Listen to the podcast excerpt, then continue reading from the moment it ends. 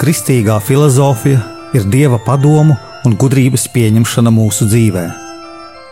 Mīlēt gudrību nozīmē mīlēt dievu, jo no dieva nāk patiesā gudrība. Raidījums Kristīgā filozofija.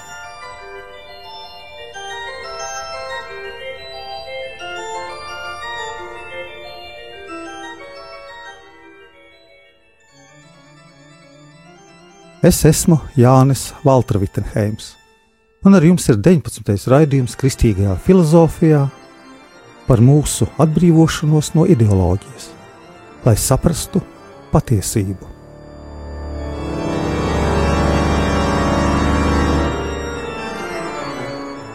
Ievadā noklausīsimies fragment no Jēzus tēva Staņislava Ladusāna par ideoloģijas un patiesības ceļu un šķirtni. Un no šī domāšanas, filozofēšanas veida, kas ir ideoloģiskais veids, mums ir pilnīgi jāatbrīvojas. Profesora vadībā aktīvi pielietojot personīgo domāšanu, students, jūs, katrs no jums, pakāpeniski kļūs par domātāju пар философу.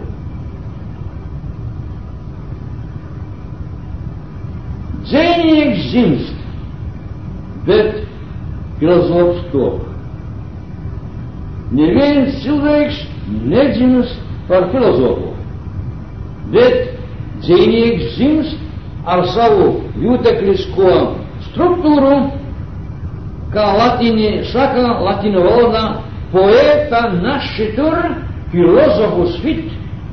Tātad ir nepieciešama, ļoti nepieciešama reālās domāšanas praksē.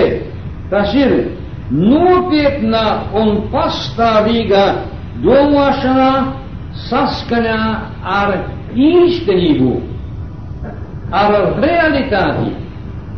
Un kā jūs zināt, no gnožoliskām lekcijām realitāte ir patiesības pazīšanās neraugā.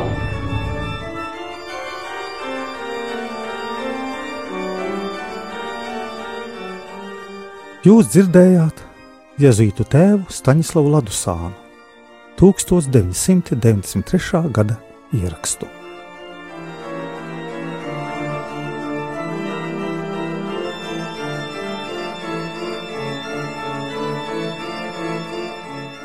Tik daudz lietu un notikumu notiek dzīvē ap mums.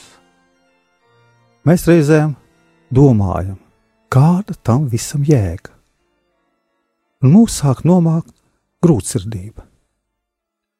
Katrs kristietis vēlās nomirt šajā pasaulē un dzīvot mūžībā ar Kristu. Šī atteikšanās no pasaules labumiem bieži vien noved pie grūtsirdības kad atmetam kādu no saviem ieradumiem, kas mums ir bijis nevisai pareizs, vai kādu no kaislēm, prieks uzreiz neatnāk mūsu sirdī no svētā gara. Mūsu cīņā ar kaislībām mēs nojam periodā, kad Dievs palīdz uzreiz, bet prieks uzreiz izpaliek. Cilvēks iemācās ciest. Gribam un vairs negrēkojam. Atmetam sliktus ieradumus, tad ciešam, jo cita prieka un ieraduma klāt mums nenāk, mūsos rodas tukšuma sajūta. Un bieži šī tukšuma sajūta rada grūtsirdību. Mēdz būt vēsels tukšums, ka dieva palīdzību cilvēks uzreiz nesaņem ka patiešām viņš grib atteikties no kāda grēka, ieraduma, tad cilvēkā rodas pazemība, tukšuma vietā, un arī grēka nožēla. Pirmais ceļš ir vieglāks, kad blakus mums ir cilvēki, draugi, kas par mums lūdzas un atbalsta mūs šajā klusajā, smagajā tukšuma periodā. Otrais ceļš ir kad cilvēks iekšēji sajūt grēka smagumu. Bieži mums rodas neapmierinātība uz apkārtējiem, ka viņi mums nedod lūgties, ieslēdz skaļu mūziku. Varbūt pat mūsu garīdznieks šķiet slikts, koris slikti baznīcā dzied. Baznīca ir par tālu, darbs slikts, vai arī bērni nepaklausīgi. Nav jēgas manam darbam, tā cilvēks domā. Ja cilvēks domā tā, tad faktiski cilvēks ir pret Dievu, jo viņš, Dievs, ir nolicis cilvēku šādā vietā. Tas ir garas stāvoklis, kas jāpārvar. Mums uh, nav spēka darīt darbu, tad mēs darām citu. Atrodam, ar ko parunāties, spriest, lai tikai iziet, izietu laukā no šī stāvokļa lai nedomātu par to, ka mums ir grūti. Un tieši tas ir ļaunā gara iespējas. Un, ja to mēs pārvaram, mums ir nopelni Dieva priekšā. Mērķis ir atteikties no tā, kas mums dos glābšanu. Tas mērķis nāk tikai no ļaunā gara. Domas, ka viss jāpamet, un mums nekas nedod dzīvē jēgu, parāda, ka mūs sāk vadīt ļaunais gars.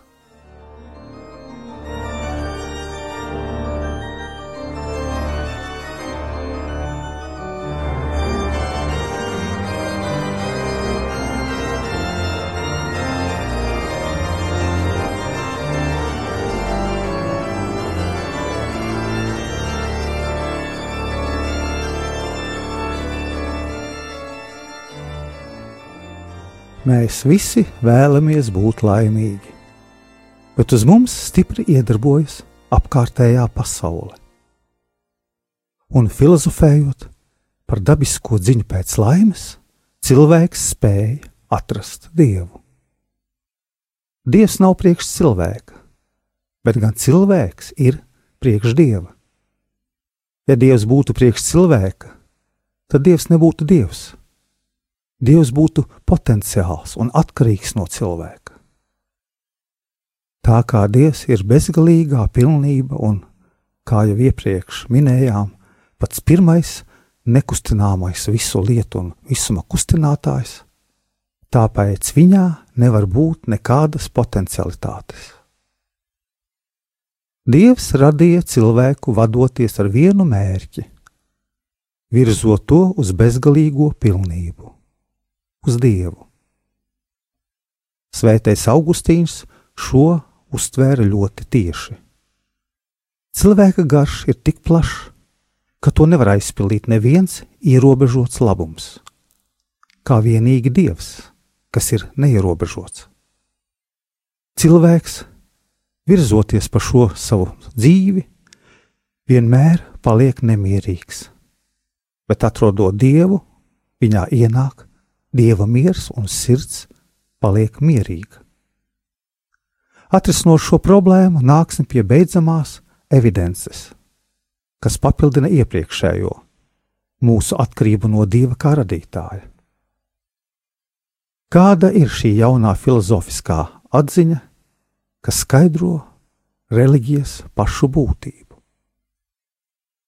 Metafiziski izskaidrojot ziņu pēc laimes, Cilvēks reliģiozi saistās no jauna ar Dievu, kā visaugstāko labumu, un tietos, tiecoties uz to, viņš virzās uz laimi.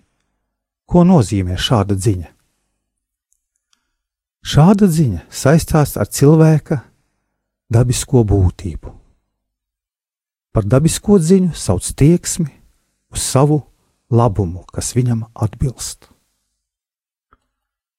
Šī tieksme ir dabiskā, tāpēc, ka tā saistās ar pašu būtnes būtību.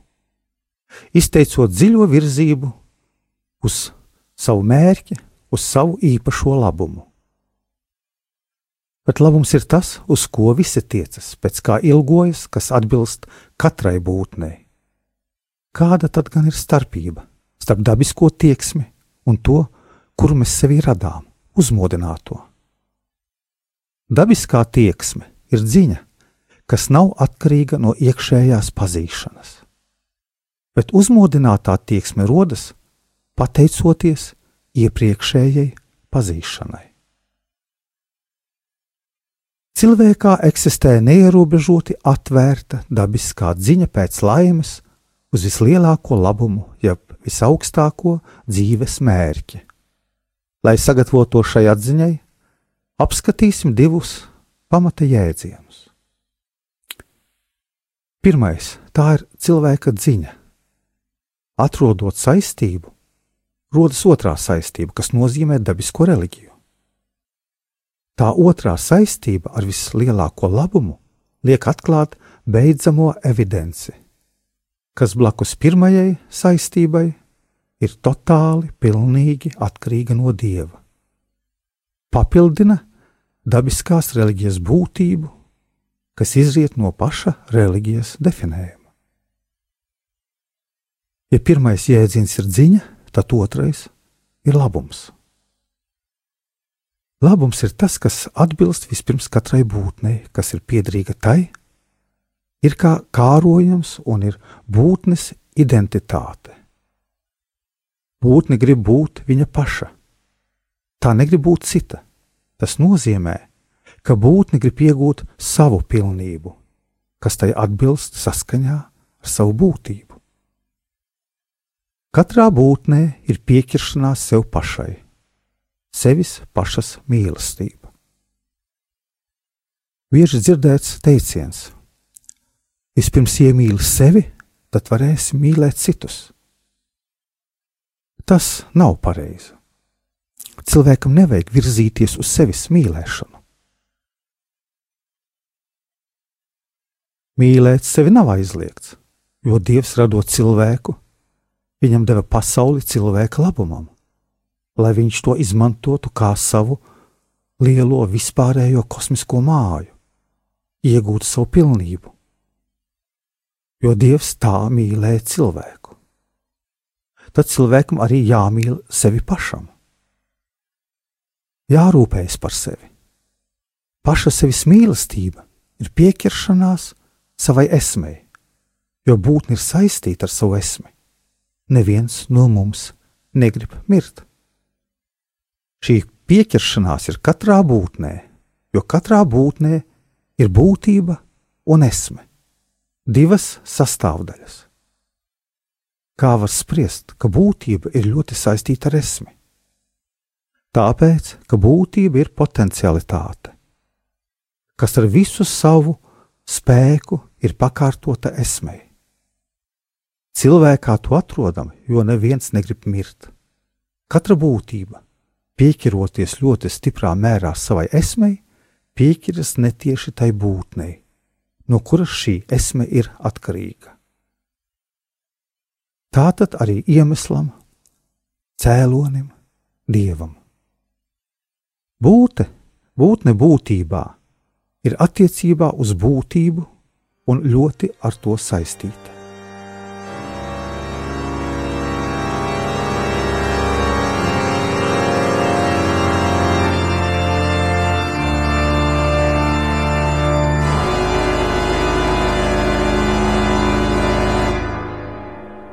Katrs grib būt tas, kas viņš ir.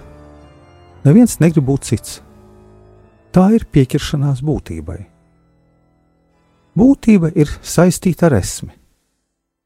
Ja, jo būtība stiprā mērā saistās ar esmi, tad tā saistās arī ar būtni.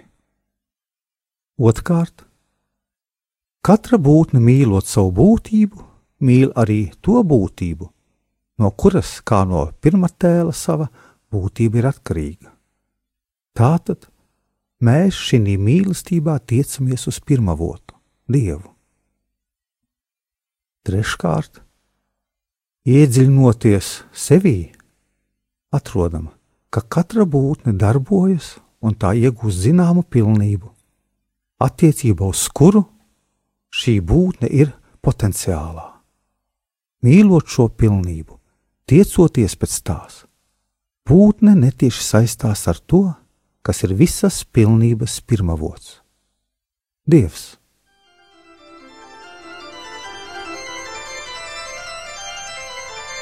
Kas ir laime?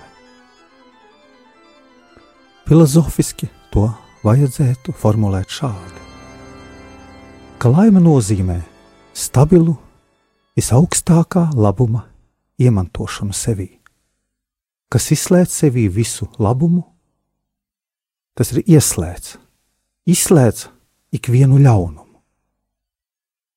Tā ir laime, objektīvi ņemot. Laime ir pats šis labums kas apmierina cilvēka slāpes pēc laimes. Subjektīvi laime nenozīmē mino, minēto labumu iegūšanu. Dabiskā mūsu dziņa, mīlestība, ir transcendentāla. Tas ir, katra būtne darbojas dabiski un tiecas uz savu īpatnējo labumu, uz mīlestību un laimi. Tas, kas nav transcendentāls, ir apzinīgā šīs ziņas pazīšana. Mēs to varam pazīt, ielūkojoties sevi. Cilvēks, pateicoties savam prātam, atklāja šo ziņu. Tā ir cilvēka dabiskā tieksme, tātad viņa paša brīvā griba, kas ir mīlestības spēja. Fundamentālais gribas akts ir mīlestība. Nu, gribu mēs varam saprast divējādā nozīmē. Gan kā spēju, gan kā arī būtību. Kā būtība grib ir viņas fiziskais, kas tiecas vienmēr uz savu specifisko labumu, uz savu mērķi. Griba mūs virza uz mērķi. Griba ir tā, kas virzās ne uz patiesību, skaistumu un kaut ko tam līdzīgu, bet uz labumu griba ir neierobežoti atvērta labumam. labumam. Mūsu griba ir brīva. Tā ir mūsu brīvā griba. Ko nozīmē gribai būt brīvai? Brīvība nozīmē, ka mēs paši kontrolējam, izvēlamies šo vai citu vērtību, atkarīgi tikai no mūsu prāta vadības.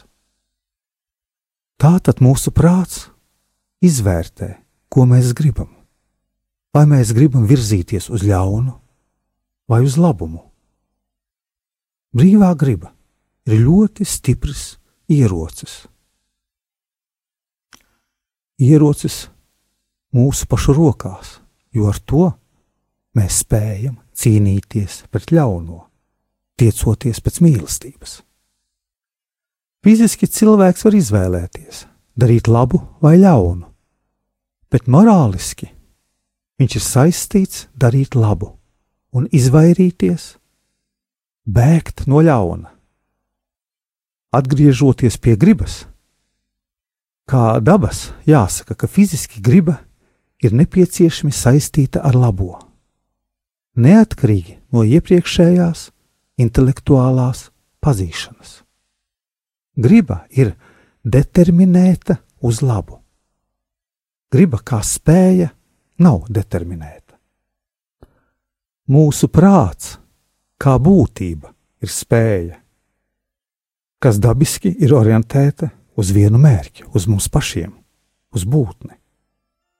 Gribas specifiskais objekts nav būtne, bet gan labais, ko mēs atpazīstam ar savu prātu.